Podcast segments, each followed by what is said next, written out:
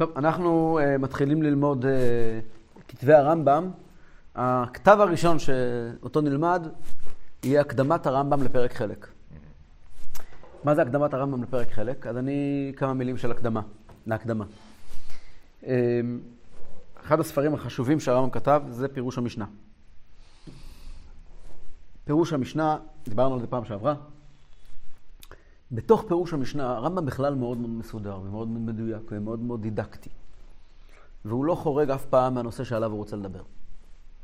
בפירוש המשנה אבל יש מקומות שהוא חורג ומתחיל לעסוק בנושאים אחרים לגמרי, עניינים של אמונה.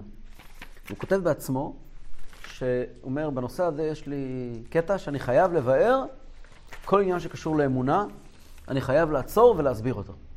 כי הוא אומר, אנשים יש להם דעות אה, פסולות, ואני חייב אה, לחנך על אמונה.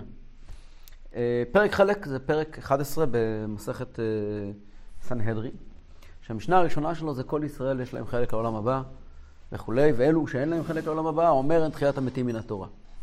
והגמרא אומרת, הוא כפר בתחיית המתים, לפיכך לא יהיה לו חלק בתחיית המתים. אז העולם הבא זה עולם תחיית המתים, ומי שכופר בתחיית המתים לא יהיה לו חלק בתחיית המתים. לא יקום. אז תחיית המתים, כן, אז תחיית המתים זה נושא, זה נושא שצריכים להבין מה זה. מה זה, ועל מה זה. למה זה צריך להיות בכלל? והרמב"ם אומר, פה זה המקום לבאר את הסוגיה של תחיית המתים. כדי שהוא רוצה לבאר את העניין של תחיית המתים, אז הוא מתחיל לדבר על תחיית המתים, בכלל המושג של עתיד לבוא, ואחרי זה הוא אומר, אני רוצה שתדע שאם מדברים שם על מי אין חלק בתחיית המתים, אז כתוב גם כן שאין למין ואפיקורס אין להם חלק. ומי זה מין ואפיקורס? מי שכופר באחד משלוש עשרה עיקרי אמונה. ומה עם שלוש עשרה עיקרי אמונה?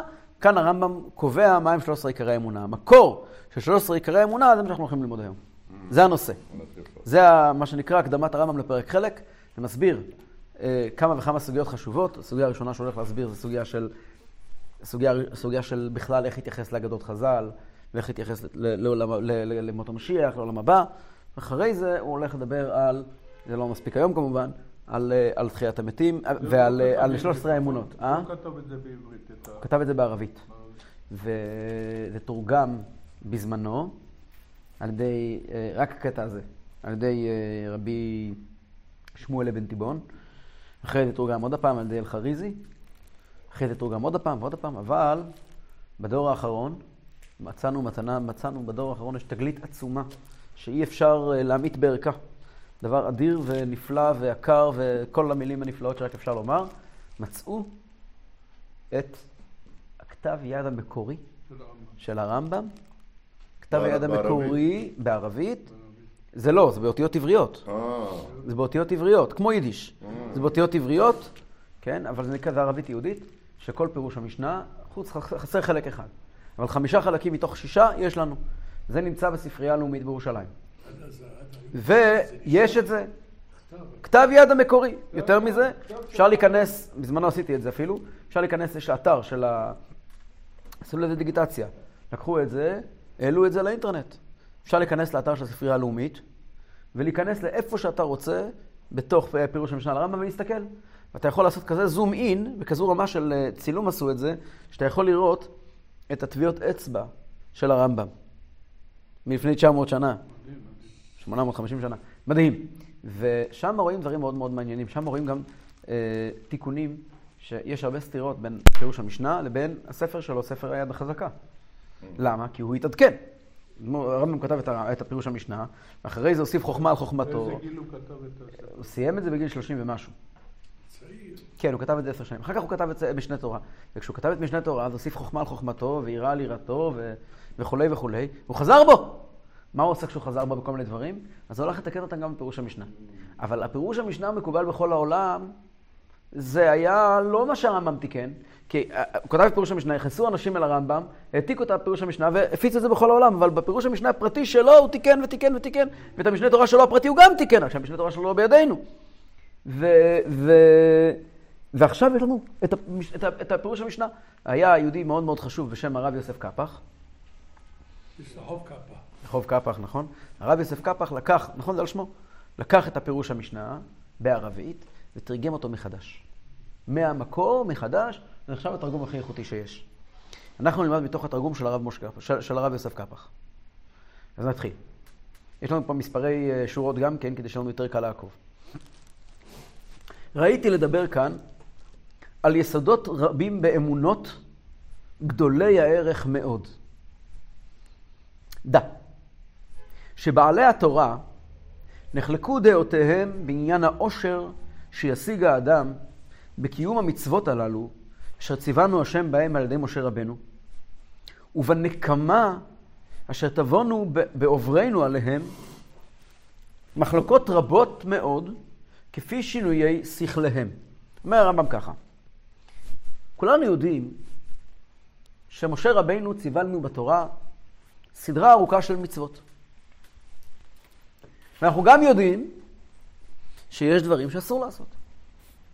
וכל אחד יודע, כל מי שפתח את התורה יודע, שיש שכר ועונש. אם נעשה טוב, נקבל טוב.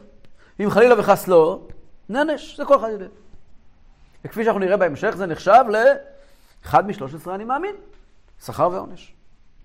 אבל לכל אחד, אומר הרמב"ם, יש גישה אחרת, חלוקה אחרת, מה הם השכר והעונש? מה המקום של השכר והעונש? ונשתבשו בכך המחשבות שיבוש רב, עד שאפשר שלא תמצא כלל אדם שנתברר אצלו עניין זה.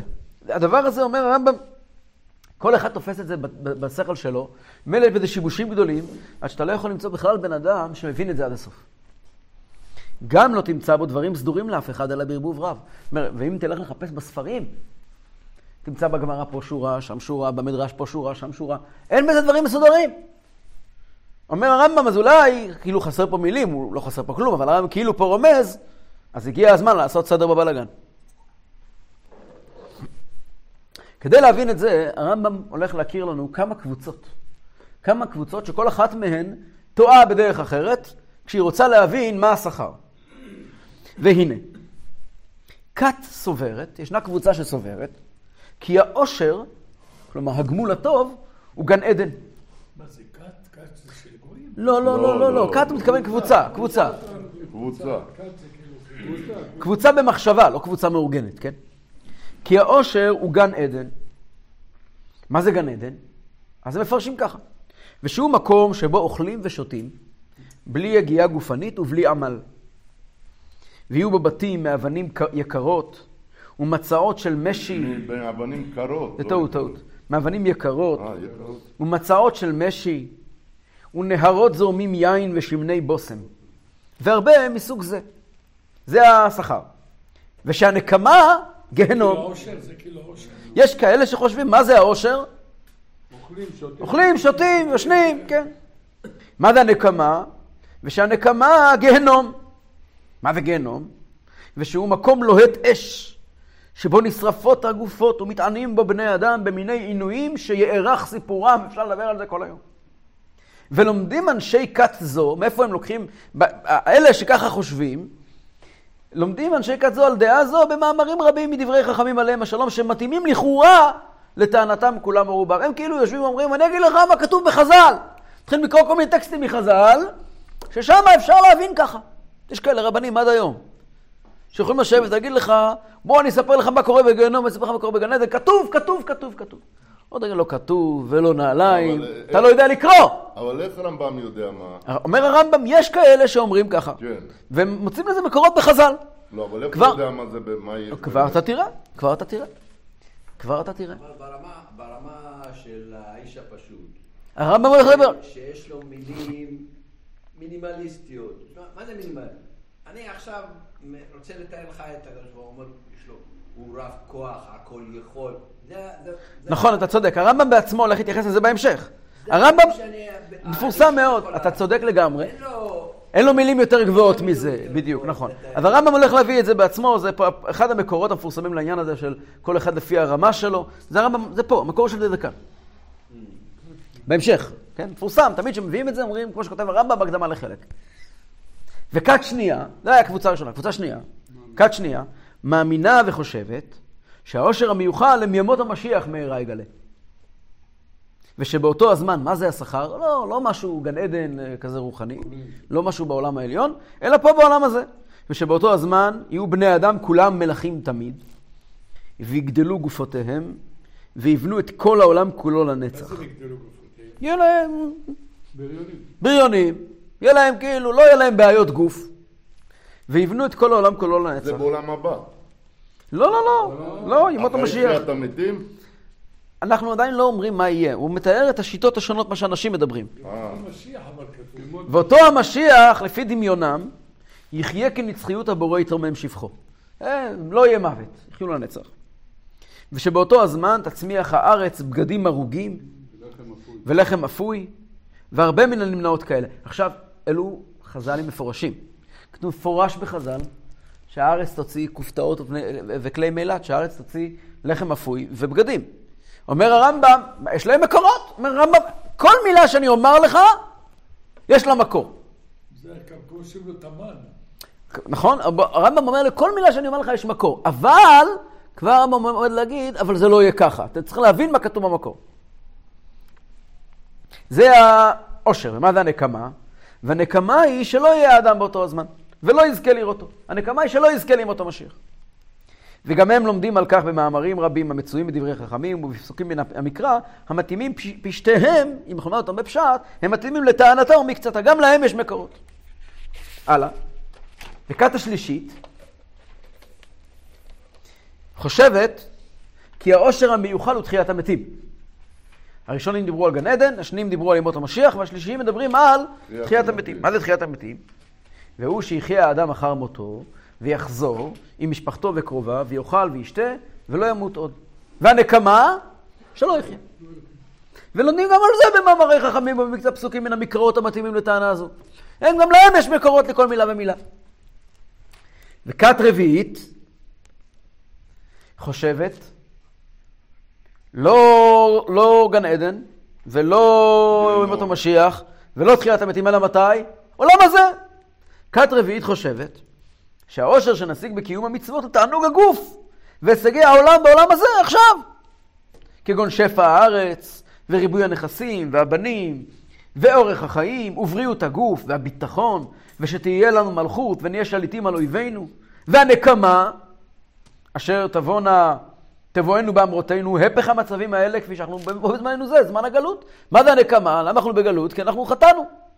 ולומדים לפי מחשבתם בכל מקראות התורה, הברכות והקללות וזולתם. תקרא את התורה, כתוב, מפורש בתורה, אם בחוקותיי תלכו, ותגיש בכם ביתם.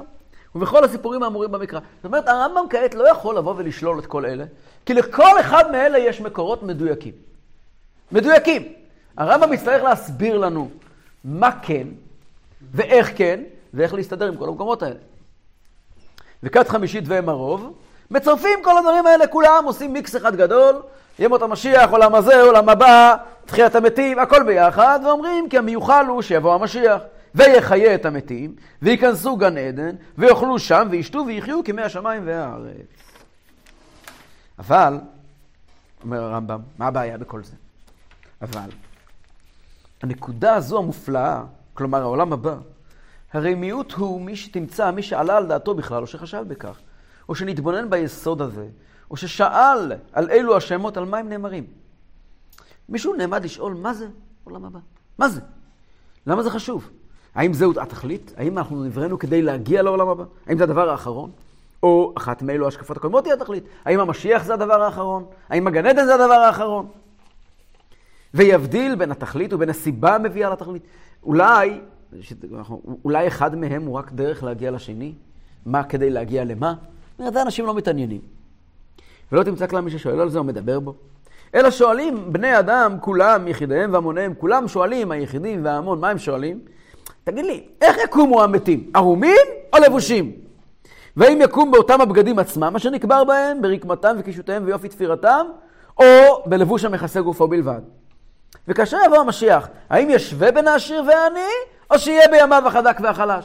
אומר הרמב"ם, הם שואלים שאלות מאוד נחמדות, אבל הן לא רלוונטיות. והרבה מן השאלות הללו לעיתים קרובות, לא אלו השאלות שצריכים לשאול. השאלות שצריכים לשאול זה למה צריכים את כל הסיפור הזה? מה מסתתר מאחורי זה? מה המשמעות של זה? וכאן הרמב"ם שומע את השאלה של רב אריה, ועונה לה. רב אריה אמר, יש אנשים שזה הדרך לדבר איתם. אז בואו נראה. ואתה המעיין, הבן ממני משל זה. ואחר כך שים לבך לשמוע דבריי בכל העניין הזה. אני אתן לך קודם כל משל, תקשיב טוב למשל שלי, אומר הרמב"ם, ואחר כך תן את הלב שלך להקשיב למה שאני רוצה ללמד אותך. נניח שנער צעיר הוכנס אצל מחנך ללמדו התורה. וזו טובה גדולה לו. למה זו טובה גדולה לנער הצעיר להיכנס ללמוד תורה אצל המחנך? בגלל מה שהגיע אליו מן השלמות. הוא יזכה להיות, אה, ללמוד תורה ולהתחבר בנותן התורה, דברים הכי נפלאים שיש. לימוד תורה לא צריך בגלל. יש דברים שעושים אותם בשביל משהו אחר. אוכלים כדי להיות שבעים. הנכד שלי לומד דיינות. אז זה באמת לא הרמה הכי גבוהה של לימוד תורה. הרמה הכי, כל הכבוד לו. אבל הרמה הכי גבוהה של לימוד תורה, שבן לומד תורה כדי ללמוד תורה, זה נקרא ללמוד תורה לשמה. אין דבר יותר גדול מלימוד תורה. הנה, מה אנחנו עכשיו עושים? לומדים תורה בשביל מה? יותר... אה, כדי לעבוד את השם, זה מה עושה יהודי? יהודי לומד תורה. לכן הכולל שלנו זה הכולל הכי טוב בעולם. פה יושבים אנשים שרוצים ללמוד תורה כדי ללמוד תורה. נכון? זה הדבר הכי גדול שיש. אז עכשיו, אבל פה אנחנו אנשים יהודים מבוגרים. נכנס נער צעיר ללמוד תורה. וזו טובה גדולה לו, גם שהגיע אליו מן השלמות. אלא שהוא מחמת גילו הצעיר וחוסר דעתו, היות שהוא ילד קטן. הוא חסר דעה עדיין. מה זה חסר דעה? דעה זה לא שכל. דעה זה יכולת לקלוט משהו, להתחבר למשהו. הוא עדיין לא מבין שישנם ערכים אמיתיים בחיים. לא יבין ערך אותו הטוב. אתה לא יכול להסביר לו, הוא לא, הוא לא יכול, גם אם תגיד לו, הוא לא יבין. ולא מה שיביא לו מן השלמות, הוא לא יבין מה זה המשמעות של זה בשבילו.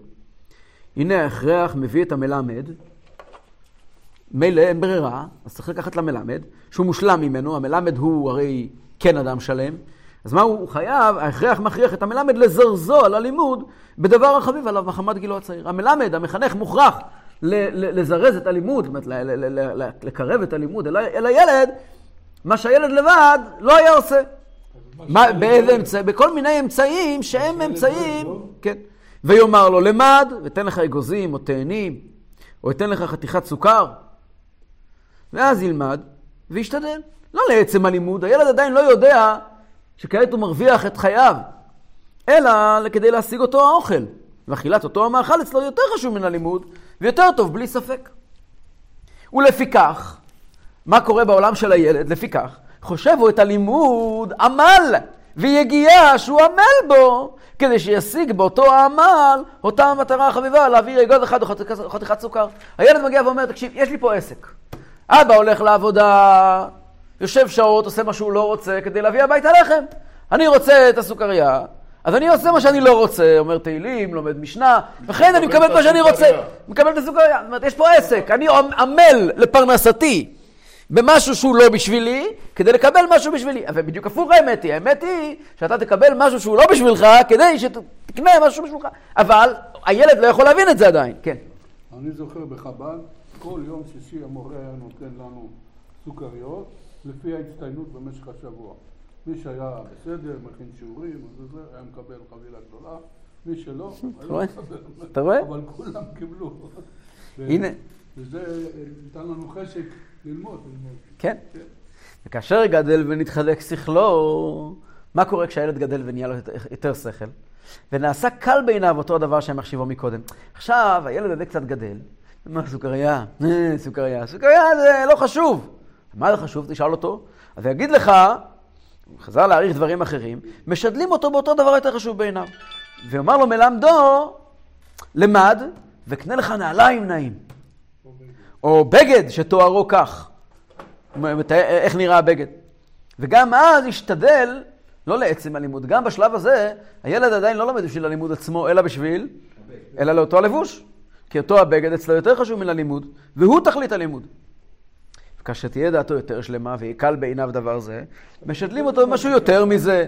בכל דבר, בכל בעבודה גם, בכל מקום. עבודה זה לא אותו דבר, עבודה היא באמת צורך. אתה מראה לבוס שלך שאתה... אבל זה הבדל גדול, יש הבדל גדול. בעבודה זה לא אותו דבר. בעבודה, בעבודה התמרוצים הם באמת שכר על עמל. אתה הלכת לעבוד, אתה לצורך העניין עובד בתור חשמלאי, כן? נניח. נניח שאתה חשמלאי. מה זה אומר? שאתה עכשיו בא לעשות לי חשמל בבית? למה מה קרה? אלא, או יופי, אז יש פה עסק. וגם אני אה, משמח אותך. בסדר, הכל בסדר, אבל אתה מקבל כסף ומשמח אותי. כל זה תשלום על העבודה שאתה היית מעדיף לא לעשות. אבל ללמוד תורה, אתה מעדיף כן ללמוד, זה בשבילך. למה צריך לשלם לך על משהו בשבילך? גם אם היה פה חושך, מה בחשמל יעשה אור אז יופי, שימח את המדינה. בסדר, אבל יש דברים שבן אדם אתה עושה... אתה עכשיו בתובנה שאתה בא לשיעור הזה בשביל ללמוד, אתה בעצמך, לא בשביל? לקבל משהו. לא, ברור. הילד ההוא בשביל לפתח. לא, זה ההבדל. אבל רגע, אתה גם חושב לקבל משהו מהקדוש ברוך הוא על זה, זה שאתה לומד זה תורה? כבר נראה שלא. לא? לא, כבר נראה, אתה תקבל. נכון, הוא צודק. אתה תראה, אתה תקבל. אבל הרמב"ם הולך להגיד לנו שבעצם מי שלומד בשביל זה, הוא כמו הילד הקטן כן. שרוצה סוכריה. אבל זה נחשב לו הלימוד תורה. אז כבר נראה, הלימוד תורה בעצמו שווה. ברור. כבר נראה, כבר זה נראה, ברור. כבר נראה, כבר נראה, כבר נראה, כבר נראה. כבר נראה. אז אם כאשר העניין של הבגד והנעליים כבר לא חשובים, אז משלמים אותו משהו יותר מזה, ואמר לו מלמדו למד פרשה זו, פרק זה, ותן לך דינר או שני דינרים. וגם אז ילמד וישתדל כדי לקבל, אה, לקבל אותן המעות. וקבלת המעות אצלו יותר נכבד מן הלימוד. לפי שתכלית הלימוד אצלו אז הוא קבלת המעות שהובטחו לו. מה יותר חשוב? אז אולי הוא כבר בחור מבוגר, הוא מבין מהעניין של אה, לימוד, אבל, אבל הוא עדיין, הכסף חשוב לו יותר. והראיה, שהכסף הוא מגיע כפיצוי על הלימוד. אבל הילדים גם שבאים ללמוד תהילים או זה, אז נותנים להם גם. סוכריות. מצוין, זה מה שהרמב"ם... מה המקור של זה? זה מתאים לילדים. מה המקור של זה? לקבל את המתנות. מה המקור של זה? פה, זה המקור של זה. ידועים רוצים דברי הרמב"ם, זה? תמיד אומרים, כן, לא. ידועים דברי הרמב"ם, תמיד אומרים שעל פי דברי הרמב"ם בהקדמה לפרק חלק, שזה הדרך ללמד ילדים. מעולה. וכאשר יהיה בעל הכרה יותר, ויקל בעיניו גם דבר זה, וידע שהוא דבר פחות ערך, כאשר גם כן, כבר כסף גם לא, כבר לא מדבר עליו, ויגיד מה אנו באמת, כל החיים שלי בשביל כסף, אז מה אומרים לו? משדלים אותו במשהו יותר חשוב מזה. ואומרים לו, למד כדי שתהיה רב ודיין, יכבדוך בני אדם, ויעמדו מפניך, ויקיימו דבריך, ויגדל שמך בחייך, ואחר מותך כמו פלוני ופלוני. אתה תהיה הרב עובדיה הבא. מה זה? זה גם סוג של סוכריה. אומרים לבן אדם, אתה תלמד ותהיה גדול בתורה. מה, אתה רואה איך מכבדים אותו, כולם מכירים את השם שלו, אתה תהיה הרב עובדיה הבא. אז זה בעצם, בעצם, הילד שמקבל את הסוכריה. והתלמיד חכם הגדול שלומד כדי להיות הרב עובדיה הבא, שניהם ילדים קטנים, שעושים משהו בשביל משהו אחר. הם עושים, לומדים תורה, זה הדבר האמיתי והשווה. בדיוק. ו... ואז ילמד בשביל כדי להשיג אותה מעלה. ויהיה התכלית אצלו, מה, המצ... מה המטרה שלו בחיים? שיכבדו בני אדם וינשאוהו וישבחו. כל זה מגונה. אומר הרמב"ם, בוא, שאנשים ייתנו לך כבוד וזה, בשביל זה אתה חי. אתה ילד קטן. אלא שצריכים לכך מחמת קלות דעת האדם. היה מדובר פה, אדם, ילד קטן, אז, אז, אז, אז ככה צריכים לדבר איתו. הילד הקטן הזה כבר בן 50, אבל ככה צריך לדבר איתו, חסר דעת. שעושה תכלית הלימוד זה דבר אחר חוץ מן הלימוד. ואומר, מדוע לומד, את- מדוע לומד אני את הלימוד הזה? אלא כדי להשיג בו הזיה באמת. מה זה נקרא זה היה באמת? אני רוצה לקבל ממנו משהו שהוא לא שווה ברצינות. מה הפירוש? וזהו אצל חכמים שלא לשמה. זה נקרא לימוד תורה שלא לשמה. כלומר, שהוא מקיים את המצוות ועושה אותם, ולומד ומשתדל, לא למען אותו הדבר עצמו, אלא למען דבר אחר. אבל- אה, כתוב, לומדים אה, תורה לשמה. צריך ללמוד תורה לשמה. והזהירונו חכמים עליהם השלום מזה, ואמרו, לא תעשה מטרה להתגדל בהם, ולא קרדום לחפור בהם. רומזים למה שביארתי לך, שלא יעשה תכלית הלימוד, לא שיכבדו בני אדם, ולא רכישת ממון. ולא, לא ואל יעשה תורת השם פרנסה, ואל ייעץ לו הלימוד, תכלית הלימוד, אלא ידיעתו בלבד. מה זה ידיעתו? אדם לומד תורה ומתחבר עם הקדוש ברוך הוא. וכן אין תכלית האמת, אלא לדעת שהוא אמת, והמצוות אמת. ולכן תכליתם קיומם. אומר הרמב"ם, בוא נדע את האמת. האמת היא, יש מושג שנקרא, הרמב"ם גם מדבר על זה, נלמד את זה בעזרת השם גם בהלכות תשובה, נקרא העושה את האמת מפני שהוא אמת. מי הוא העושה את האמת מפני שהוא אמת? אומר הרמב"ם, גם הילד שלו לומד תורה, למשל הנכדים שלי, אז הם מעבירים שיעורים בזה, אז הם שמחים שמעבירים נכון. דברים לזה. אתה מבין? הנכד שמצלצל לי, אללה, נתתי שיעור, נתנו לי 100 שקל, 200 שקל. יש לו ארבע ילדים. אז מה זה כיף לי, אנשים אמרו, נו, איזה שיעור, נהנינו, נהנינו. זה גם סיפוק. זה סיפוק, נכון, אבל עדיין זה לא העניין העיקרי. לא- לא- לא זה הדבר העיקרי. מה הדבר העיקרי?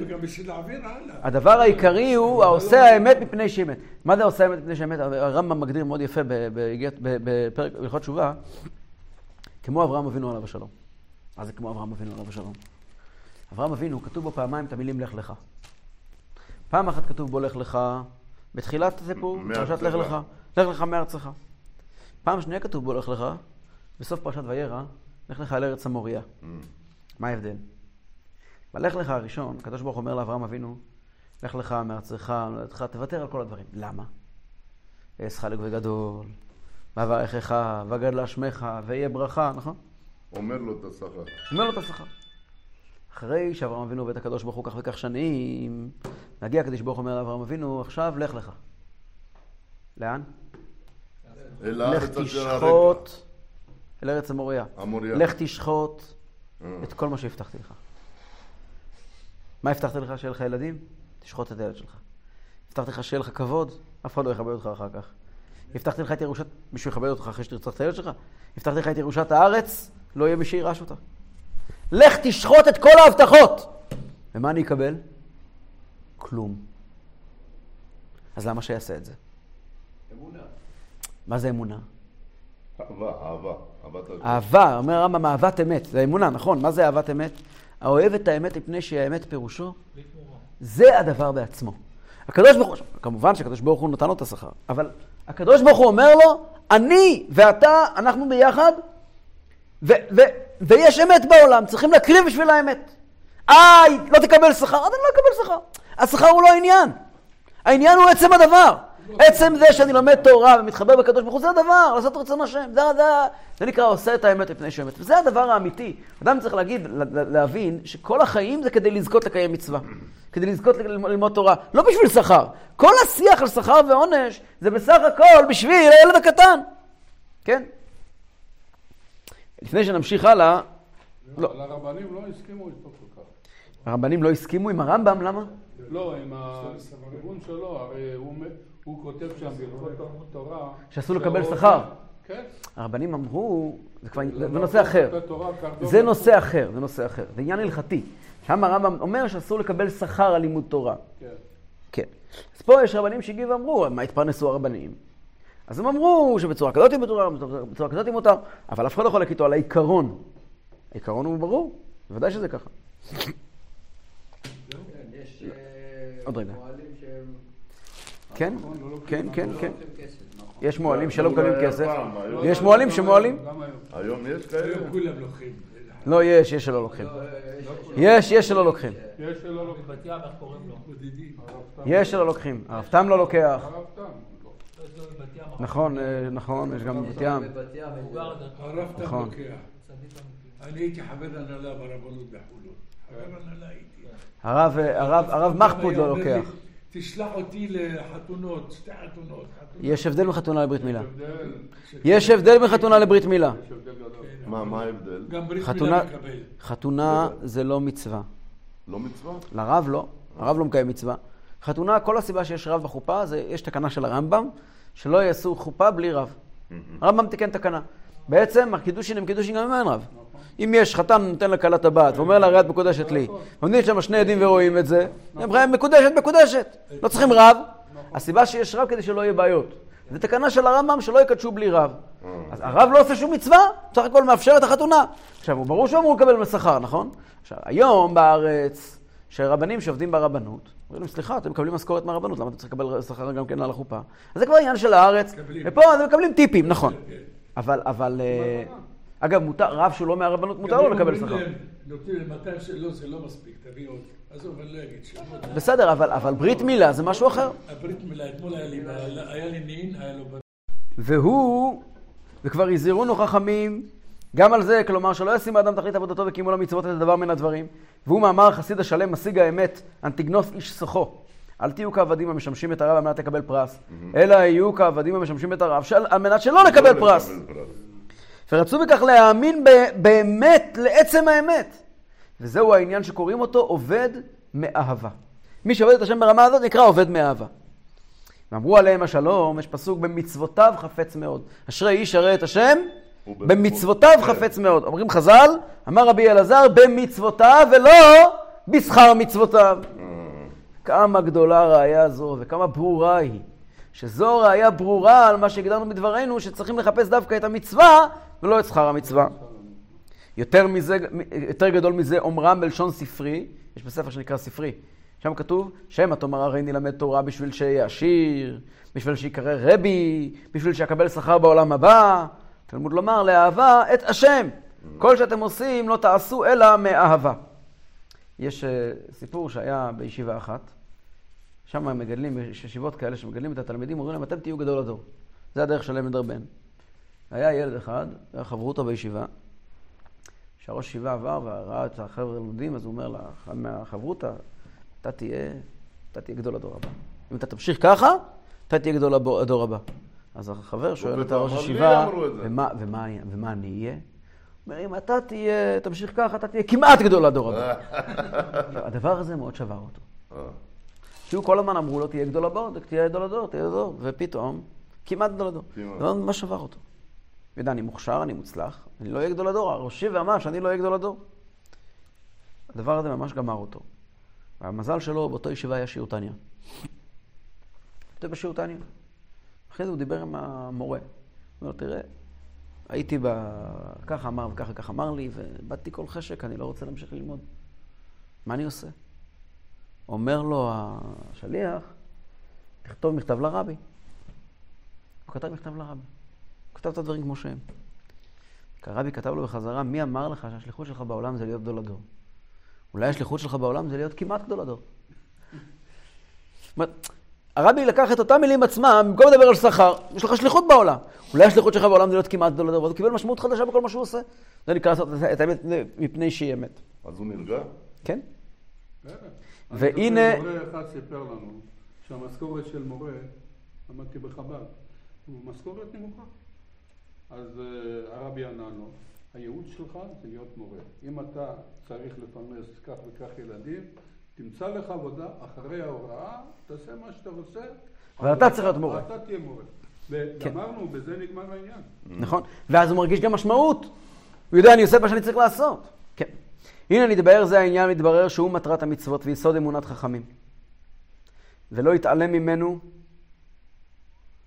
אלא שחל ופתי, אשר כבר השחיתוהו הזיות הדעות השגעוניות והדמיונות הגרועות.